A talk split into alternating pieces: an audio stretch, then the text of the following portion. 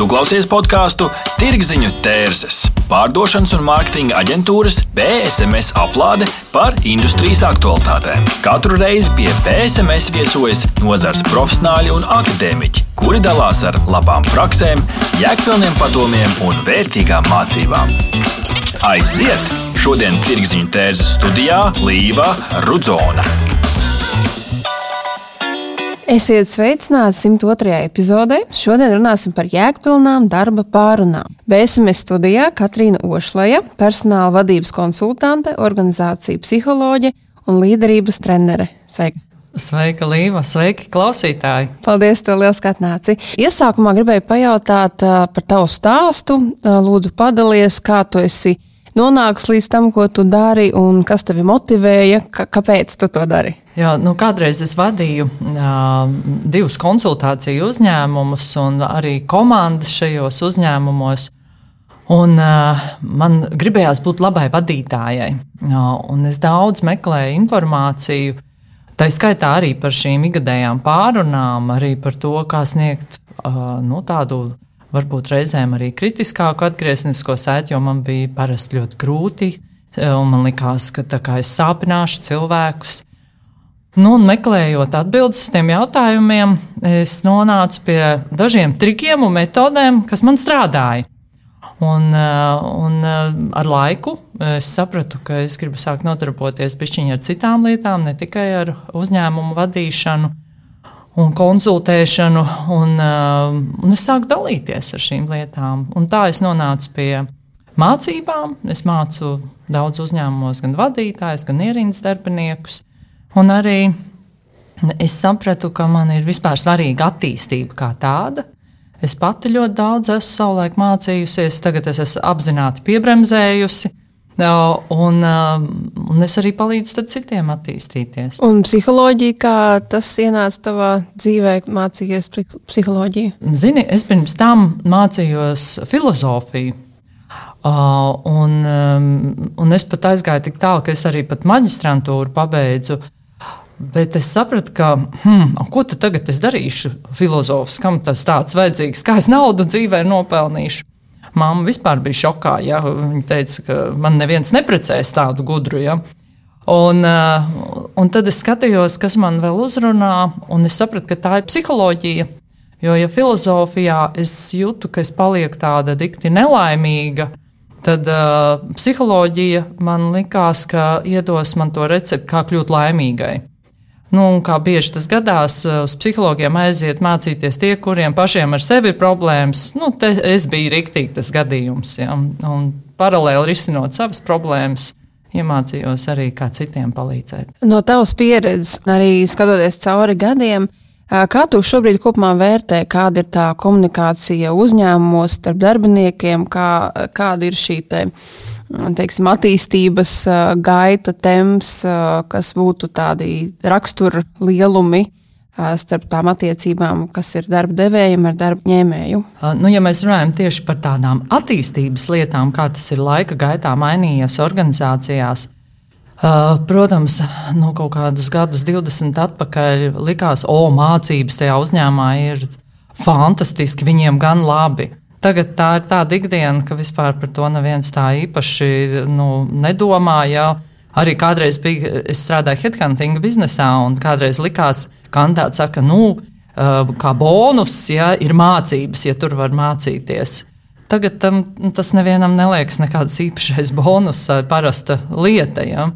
Un arī šīs pārunas, ja, ja kādreiz tas bija kaut kas tāds, kas ir vienu, varbūt nu, divas reizes gadā, ka vadītājs apsēžās ar darbinieku un svinīgi pārunā visu sasniegto un, un kā, ko tad attīstīs un ko mācīsies. Tad tagad es redzu, ka tādi progresīvākie uzņēmumi vispār ir pārgājuši no tādām ikgadējām pārunām uz to, ka tas ir ikdienas saruna. Ka nav speciāli jāplāno tādēļ, ka tur kaut kāda īpašā saruna, par to mēs varam katru dienu runāt, ja vajag. Ja. Nav. Un arī tie mērķi, Viņi jau nav vienmēr tādi, kurus var izvirzīt uz gadu. Varbūt tas ir tāds mērķis, ko es mēnešu laikā varu sasniegt.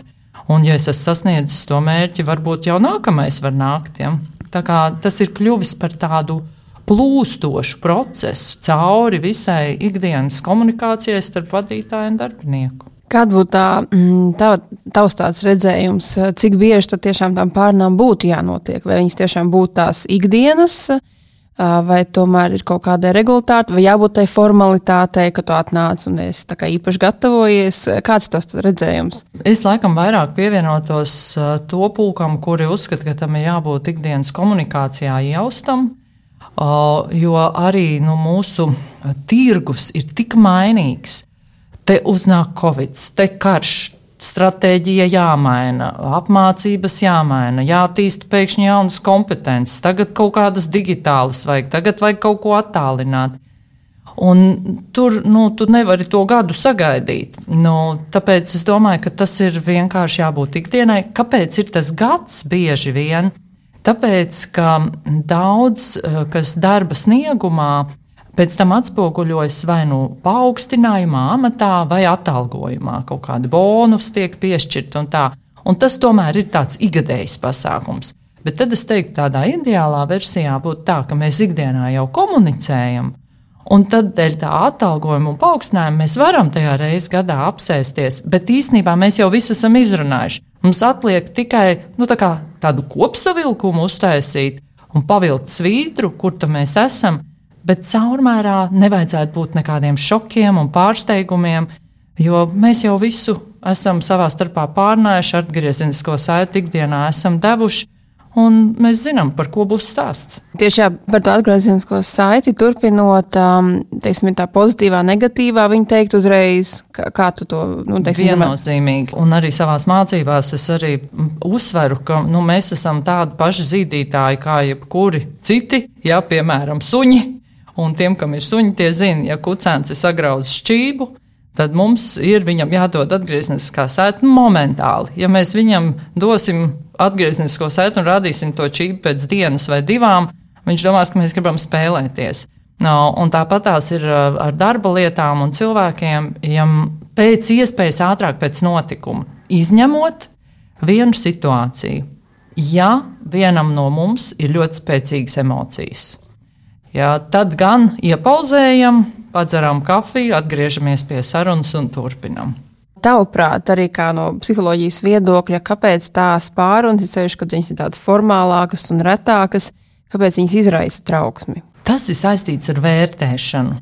Jebkuram no mums situācija, kur mani vērtē, nu arī, piemēram, darba intervijas ir situācija, kur vērtē, vai kaut kāda publiska uzstāšanās Tas ir moments, kur mums momentāli paaugstinās uh, trauksme, stress, izdalās kortizols, ja, šis stresa hormons, kurš ir nu, īstenībā ļoti saistīts ar mūsu izdzīvošanu. Ja, mums ir jāmobilizējas, un tad nu, kā nu kurš stresā reaģē? Daži sastingst, ja, Daži uzbrūk, jā, pretī dod tam vadītājam, ka viņš iedod to kritisko atgrieznisko sēdi un citi bēg, izvairās. Ja, un, eh, nu, un tas arī ar mums notiek. Un kas ir tāda īpatnība ar to kortizolu? Viņš ļoti lēni izdalās no mūsu organisma. Un pētījumi rāda, ka tādēļ, ja cilvēki saņem kritisku atgriezenisko saiti, viņi ilgāk maļ domas par to atgriezenisko saiti, ko viņi ir saņēmuši, ilgāk pārdomā, tad vēl ar kolēģi padalās, kā viņš man tā pateica, vai kā es tā kļūdījos. Un līdz ar to negatīvu atgriezenisko sēdi mēs vairāk atceramies. Un, bet no otras puses, ir vērts viņu atcerēties, jo tā palīdz mums izdzīvot. Nu, var teikt, mūsdienu biznesa džungļos. Ja? Savukārt, pretēji, piemēram, kad saņem cilvēku pozitīvu atgriezenisko sēdi, tad izdalās cits hormons, ko sauc par oksitocīnu. Tas ir uzticēšanās hormons. Un, uh, tad savukārt tas izdalās ļoti ātri no organisma. Tāpēc pozitīvu atgrieznisko saiti mēs ātri aizmirstam. Mēs bišķiņi tikai papriecājamies un viss. Un, uh, tas ir arī vēstījums uh, nu, vispār, jebkuram cilvēkam, ne tikai vadītājiem, padomāt par to līdzsvaru starp pozitīvu un negatīvu atgrieznisko saiti, acīm redzot, lai to līdzsvaru dabūtu. Tad mums tomēr vairāk būtu jāsniedz viens otram tas no, novērtējums, kas ir pozitīvs. Ar kādām uh, grūtībām saskarās uh, tavā pieredzē darba devēja un arī darba ņēmēji darba pārunās? Kas ir tas teiksim, grūtākais vai kur ir tādi klupšanas akmeņi? Jā, varbūt darbinieki pat par to neiedomājas, bet arī vadītāji ļoti uztraucās pirms šīm uh, sarunām. Viņi uztraucās, ka nu, būtībā par to, ka būs emocionāls reakcijas un ko es tad darīšu. Jā, tāda mm, bezpalīdzība, neziņa ko tad man darīt, ja kāds apraudās, vai sadusmojās, vai negrib pieņemt to atgriezenisko saiti. Un, uh, tas ir tas, kas nu, ir tā lielākā grūtība. Un tad ir vadītāji, kuri uztraucās uh, par to, ka viņi varētu kaut kā sāpināt to cilvēku. Viņi izvairās sniegt tādu nu, īstenībā attīstošu atgriezenisko saiti, lai gan viņa varbūt nevienmēr ir pozitīva, ja, bet uh, nu, ir tā jau palīdz tam cilvēkam aizdomāties par kaut kādām lietām, ieraudzīt kaut ko, ko viņš nu, pats sevī neierauga. Uh, un mēs liedzam viņam to iespēju. Tad. Kā padarīt šīs darba pārunas nu, teiksim, maksimāli tādas vieglas, patiesas un patīkamas, un arī tāpat laikā produktīvas? Kas ir tie tādi atslēgas vārdi, kā labāk sagatavoties gan tam darba devējam, šim te vadītājam, gan arī uh, padotajam? Uh, nu, laikam tā gatavošanās sāksies jau ar tādu ikdienas komunikāciju, ka mēs vispār savā starpā jūtamies brīvi, ka mēs jau ikdienā izrunājam visādas problēmas, un kļūdas un neveiksmes, un par to nevis sodam un pārmetam, bet palīdzam un atbalstam. Un tad līdz ar to cilvēkiem nav tādas trauksmes, ka te atklāsies kaut kāda mana kļūda, bet viņam ir tieši otrādi, o, oh, man bija kļūda, bet nu, mēs izdomāsim, kā to risināt, un es no tā iemācīšos kaut ko. Un, ja jau ikdienā ir tādas uzticēšanās attiecības, tad tās pārunas vairs nav nekas tāds dramatisks. Ja? Protams, sagatavojoties, nu, ir labi uh, sagatavot kaut kādu sarunu struktūru, Nu, visbiežāk tā saruna balstās uz tādiem diviem lielajiem vaļiem. Viens ir pārunāt darba sniegumu, nu, mums bija izvirzīti kaut kādi mērķi, kā tie mērķi ir sasniegti, un otrs ir attīstību. Lai sasniegtu šos uh, darba mērķus, mums ir vajadzīgi kaut kādi attīstības mērķi, nu, kuras prasmes, uh, kompetences, varbūt kaut kādas personības iezīmes un uzvedības man jāattīsta, lai efektīvi arī nu, sasniegtu tos darba mērķus. Un tad eh, nu, pārunājam tos lielos vaļus, kā ir veicies iepriekšējā periodā, un saliekam arī uz nākamo periodu. Tad, kas būs tā nākamā perioda mērķi abās šajās jomās? Pieminēju par tām emocijām, kad eh, nu, arī darba devēja ir šis tāds nu, neziņa par to, kā reaģēs, ja piemēram kaut kāda kritika vai kaut kādi teiksim, aizrādījumi. Uh, bet jā, cik daudz tās emocijas likt, jo mēs visi esam cilvēki un katram mums ir tās emocijas, bet eh, tajās darba pārunās, eh, cik tad ir jābūt patiesam tajās savās emocijās, vai tomēr jābūt eh, gan diplomātiskam. Ar to nu, teiksim, patīk, nepatīk. Es, teiksim, tas bija kaut kas, ar ko es nebiju apmierināts. Nu, cik daudz tās emocijas ļaut viņām vaļu? Es teiktu tā, ka par emocijām vajag runāt, par emocijām viņas vajag nosaukt. Bet es teiktu, ka tajā sarunā, no, no vismaz no vadītāja puses, nevajag viņās ieiet. Nu, piemēram, ja es par kaut ko esmu dusmīgs, es varu teikt, zini, nu, toreiz gan es biju rīktīgi dusmīgs, bet nevis es auroju uz to cilvēku, jā, vai kaut kā viņu pazemoju. Tā kā, um, tās ir divas dažādas lietas. Vai es spēju reflektēt, atpazīt to emociju, nosaukt, vai es ieeju tajā emocijā un esmu viņas pārņemts un apmācīts, un es vairs nesaprotu pats, ko es daru, un reizēm pat neatceros, ko es tur darīju. Ja? Tā, nu, tāda apziņotība par tām emocijām. Un, ja ir tās emocijas ļoti spēcīgas, uztaisīt tajā sarunā pauzi. Vienkārši tā arī teikt, paklau, es jūtu, ka mums abiem tas paliek tā ļoti emocionāli jūtīgi. Es uzkarstu to arī. Paņemam pauzīt uz pusstundu, pats kafiju, atgriežamies, vai varbūt pat dienu pārliekam. Jā. Uh, tas palīdz uh, mūsu amigdalai, kur tās emocijas dzimst, nomierināties un pārslēgties uz mūsu prefrontālo korteksu, kur mūsu loģiskā domāšana un veselais saprāts dzīvo. Tavs ieteikums, kā būt, kad ir šīs te, nu, vairākas par to negatīvo pusi, bet tas man liekas, ir tas kutelīgākais, ja darba pārunās. Nu, ja teiksim, ir kaut kāda situācija, kur tu kā darba devējs, piemēram, vēlies nu, izteikt to kritiku, tad kā es labāk tam, tam pieiet? Ja, ja piemēram, pretī ir cilvēks, kurš tās emocijas varbūt raisa, bet tu kā, mm, kā līderis, kā vadītājs, tomēr nevēlies viņu tā aizskart, bet, nu, kā tu minēji, tā nu, tomēr pamāt, nu, ar, tādu, saku, ar tādu mīlestību pamācīt, ka nu, tomēr labāk ir tie soļi būtu jāveic šādi, nevis kā, nu, kā notika. Kāds būs tas tavs viedoklis par to vai tādi padomi? Nu, Vislabāk var būt, sevišķi, ja mums ir pretī cilvēks, kurš arī ir domājošs un reflektējošs, ir palīdzēt ar jautājumiem cilvēkam pašam nonākt pie tām atziņām. Faktiski viņš pats sev iedod to atgriezenisko saiti. Jo pārsvarā, nu, es teiktu, 80% gadījumu cilvēki ir spējīgi pareflektēt un pateikt, jā, šito gan es darītu nākamreiz savādāk, un tur es kaut ko pamēģinātu savādāku. Uh, un, ja cilvēks pats sev iedod atgrieznisko sētu, viņam vieglāk ir arī to pašam akceptēt, nevis ka kāds viņam no malas to iebakst acī un māca dzīvot.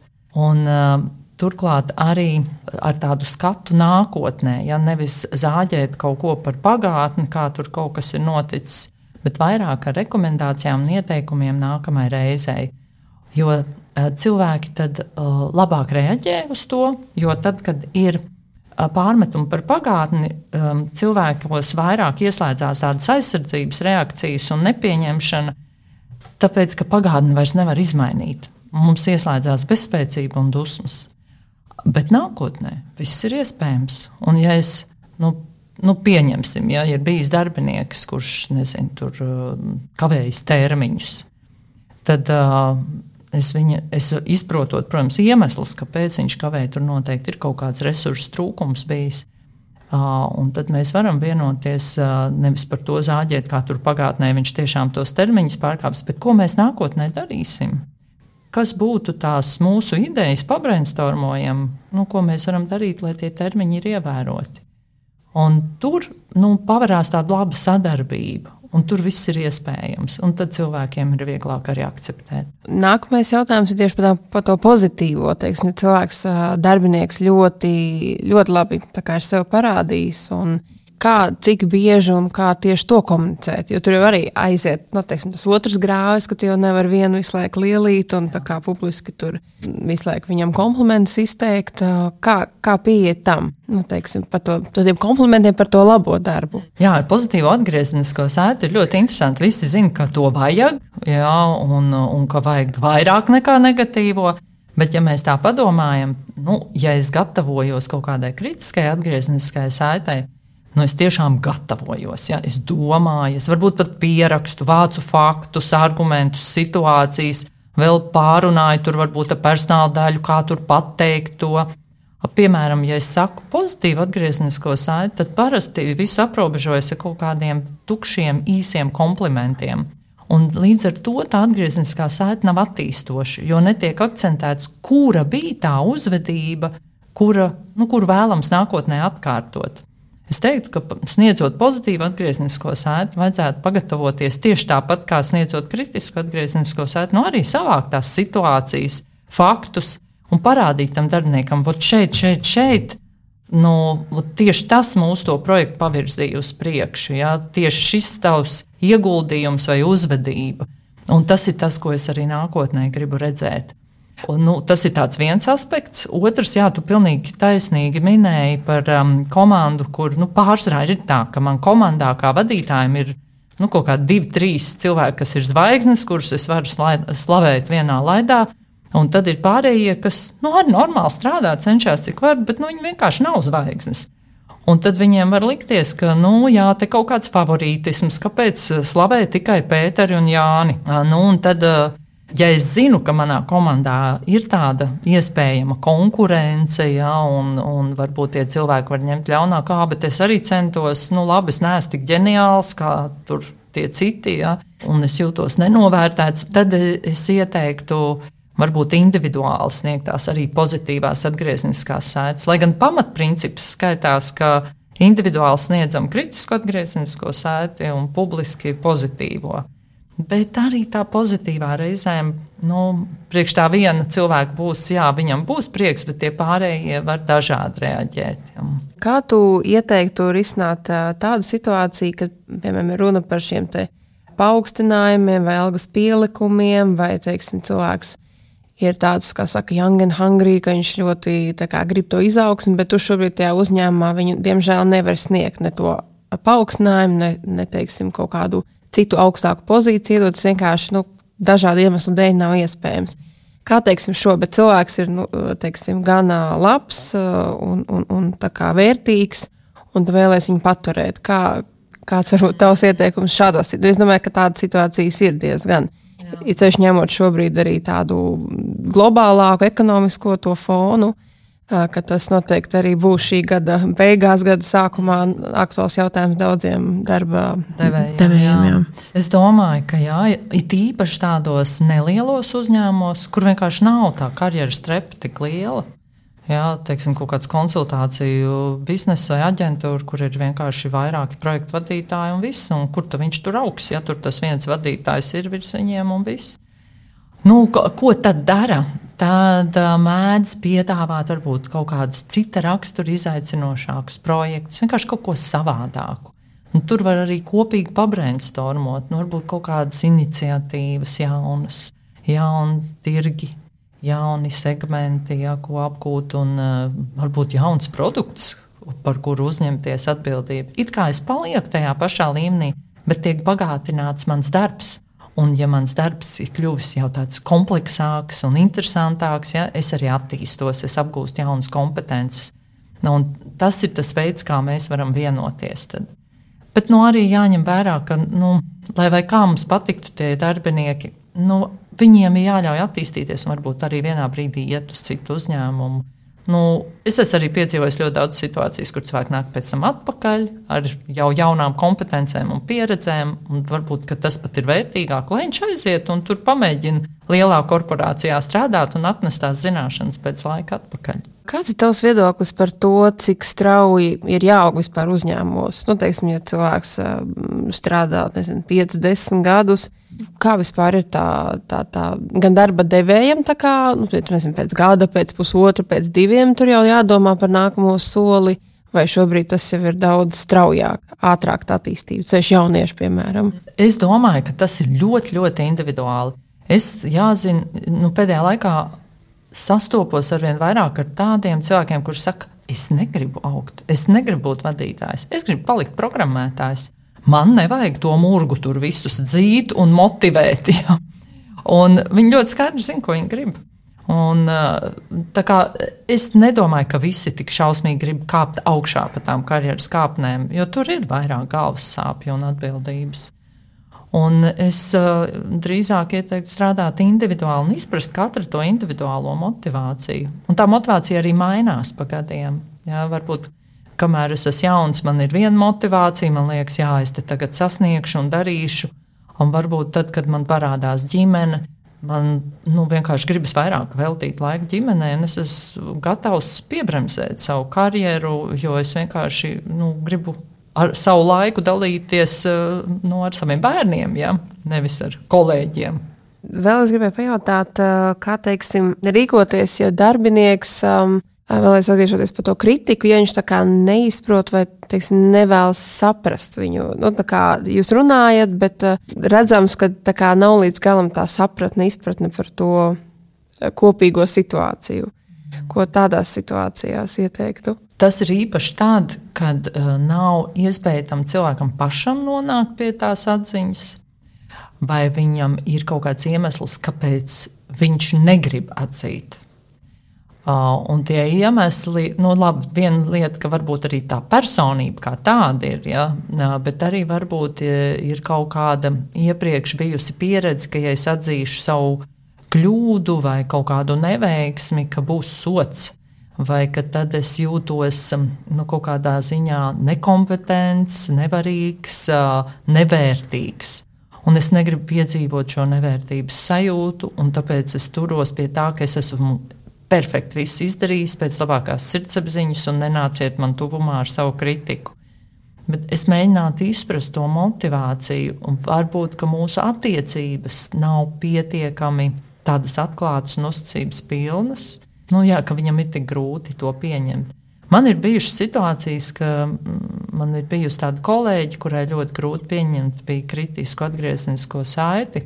Viņa vienkārši apvainojās un aizvērās. Ja? Nu, un, protams, tas ietekmēja visu kopējo atmosfēru, jo mēs sēdējām vienā atvērta tipa birojā. Un uh, vienā brīdī man palīdzēja tas, ka es ar viņu apsēdos kopā, un mēs tā sirsnīgi parunājāmies. Un, un es viņai tā arī teicu, zini, es ļoti mēģinu tev visādi nu, teikt to atgrieznisko saiti ar baltiem cimdiem. Jo vienkārši arī tas ir mans darbs, kā vadītājam. Man tas ir jāsaka, jo mums tie kopīgie biznesa mērķi ir jāsasniedz, un man tas būs arī nākotnē jādara. Varbūt tu man vari iedot kādu padomu. Kas būtu tas labākais veids, kā tev dot atgriezenisko saiti, lai tev būtu vieglāk to pieņemt? Un, un viņa man iedeva to padomu. Viņai gan bija tas padoms tāds, ah, nu saki taču! Uh, man tajā brīdī likās, nu jā, jā, es tagad teikšu, un tu atkal apvainosies. Uh, bet es tad nākamā reizē, kad tiešām bija kaut kas man jāsaka, es viņai teicu, atceries, mums bija vienošanās, ka es teikšu tev, vai tu būtu gatava, man šodien ir kaut kas tev sakāms. Un viņa teica, jā, saki. Un, un tad es sapratu, ah, rekurtas āķis ir svarīga tā vienošanās, tas psiholoģiskais kontrakts ka es tev paprasīju, tu man pateici, tu iedevi atļauju, un es varu uz to atsaukties. Uh, ja, tā kā nu, varbūt ir dažreiz vērts arī kaut ko tādu pamēģināt. Ja es jūtu, ka ir baigā pretestība, tad paprasīt, nu, kā, kā, kā vispār es tev varētu dot reizēm arī tādu atgrieznisko sēdi, lai tev vieglāk pieņemt. Tieši šeit forši ieskicējās par to darba devēja, darba ņēmēja to attiecību būvēšanu ilgtermiņā, kāds ir tavs skatījums, cik tam līderim, vadītājam vajadzētu būt tuvu? Nu, teiksim, jo arī daudz izstāsta teorijas par to, kā, kādam līderim ir jābūt, kāds ir labs līderis. Ja? Un, un tavā skatījumā, kādam viņam tiešām ir jābūt un kādām ir jābūt tām attiecībām. Vai tas ir draugu līmenī, horizontālā, vai tomēr tur ir jābūt tādai pietātei un tādai bišķīt nu, tā distancei kā šobrīd ir. Jo tiešām daudz ir tās informācijas par to veciem laikiem, jauniem laikiem, sevišķi par to jauno paudzi, kas vispār jaut šīs robežas un, un, un tos, kā saka, vecā kaluma vadītājus kā, nu, nesaprot vai nepieņem. Kā tu skaties uz šo, cik, cik tam vadītājam jābūt tādam draugam kolektīvā? Nu, laikam visas galējības ir kaitīgas. Ja? Ja agrāk bija ļoti liela tā varas distance, un vadītājs bija tā tāds dievs, ja, un, un mēs tur visi tādi pelēki un tādas skrūvītas, nu, tas neko nepalīdzēja. Ja, tas tikai paaugstināja trauksmi un bailes. Uh, bet arī tad, kad tu esi tādos uh, nu, draugs, ja, tad arī ir kaut kādas, ar, nu, tur ļoti bieži parādās tas, ka tiek pārkāptas robežas. Uh, vienkārši liekas, nu, nokavēju sapulci, ko tu apvainojies. Ja? Nu, ka viss ir tā ļoti personiski. Un, nu, tā ir tā vadītāja māksla atrast to līdzsvaru starp tām galējībām. Un es domāju, ka tas arī atkarīgs no organizācijas kultūras. Viena lieta būs kaut kādā nu, nezinu, armijas struktūrā, cita lieta būs reklāmas aģentūrā. Ja? nu, nu, tas ir tomēr arī saistīts ar to kopējo kultūru. Un, nu, jā, es teiktu, jāizvairās drīzāk no tām galējībām. Uh, un ļoti daudz kas vadītāja darbā ir par robežu turēšanu. Jo uh, tad, kad mēs ieslēdzamies tādā mammas režīmā, esot vadītājs, no, un, nu, es domāju tādu arhetipisko māti, kura visus mīl, visus pieņem, visi, visus atbalsta, tad mēs varam redzēt, nu, kas notiek tādā ģimenē, piemēram, ja ir tāda mamma. Nu, bērni kāpj uz galvas, ja? tiek pārkāptas visas robežas, noteikumi ignorēti. Ja? Nav nekādas konsekvences, nav nekādu seku par labu vai sliktu uzvedību. Mm, vienkārši ir hauss, ja neglābjams. Un tas pats notiek organizācijās. Ja vadītājs ieslēdzās tajā mammas režīmā, nu, tad vienkārši šīs robežas tiek pārkāptas. Un otra galējība, ja es esmu tāds totāls tēvs, arhetipiskais, kur ir ļoti skarbi noteikumi, skaidras robežas, nu, tāda varas distance, nu, ko tēvs iemācīja bieži vien ģimenē. Nu, es runāju par arhitektisku tēvu, nevis par tādu ikdienas tēvu. Ja. Nu, tā kā tās sekas, ja kaut kādi ir noteikumi pārkāpti. Nu, būtībā arī vadītājam ir jāiemācās, kas ir tie noteikumi, kādas ir robežas, ko mēs darām, ko mēs šeit nedarām. Un atkal tā ir vadītāja māksla turēt abas šīs lomas balansā. Jo viņam reizēm ir jābūt tai mammai, jāatbalsta, bet reizēm viņam ir jāmāca robežas. Ja, tur tā, ka to robežu nav, tas ir kā, nu, pa daudz tā draudzība. Ja. Sevišķi liels izaicinājums man liekas tiem vadītājiem, kuri ir bijuši eh, nu, kolektīvā kopā ar kolēģiem, un tad pēkšņi viņiem ir paaugstinājums, un viņi kļūst par savu kolēģu vadītājiem nu, tur ir ko ņemties un turēt. Jā, nu jā vai viņu respektē un pieņem un uh, uztver nopietni. Liekas, tas arī diezgan. Vai arī gados jauns vadītājs un gados vecāki padotie arī ļoti grūti. Nu, vēl vakardien vienā seminārā runājām, cik sarežģīti ir tad, ja ir uh, jauns vadītājs un viņš zina, ka, ja viņš iedos kritisku atgriezenisko saiti vienam pieredzējušam, dzīves pieredzējušam kolēģim, ka viņu vispār nopietni neustvers, un viņam ir jāicina personāla daļas vadītāja, kur nu, ir tā tāds mediātors tajā jau, lai piešķirtu to nopietnību tajā atgriezeniskajai saitei. Jā, par šo arī daudz esmu strādājis agrāk korporatīvā vidē ar daudz, daudz cilvēkiem. Un tur, diemžēl, bet jā, ir tas vecuma tāds ne stereotips, bet jā, kad, kad ja piesim jaunāks vadītājs, tad, nu, ko tad viņš zina labāk par mani? Nu, tā. Ir, ir tāds, tas, man liekas, arī ļoti, ļoti aktuāli. Tu esi uz savas ādas pieredzējis? Nedaudz, jā. Nu, lūk, tad vēl jautājums, ko tu ieteiktu, kā pabeigt šīs sarunas? Nu, teiksim, ir izrunāts tā kā veiksmīgi pēc plāna, kāda ir tās Ar ko tad nobeigt tās darba sarunas, gaidot nākamās, vai, vai gaidot to kaut kādu nākamo projektu vai sarunu? Parasti viss noslēdzas ar plānu. Jā, ir plāns, un arī, kas būtu tāds nu, tiešām labs līderis un vadītājs, noteikti paprasīt atgrieznisko saiti arī par sevi, kas bieži vien izpaliek.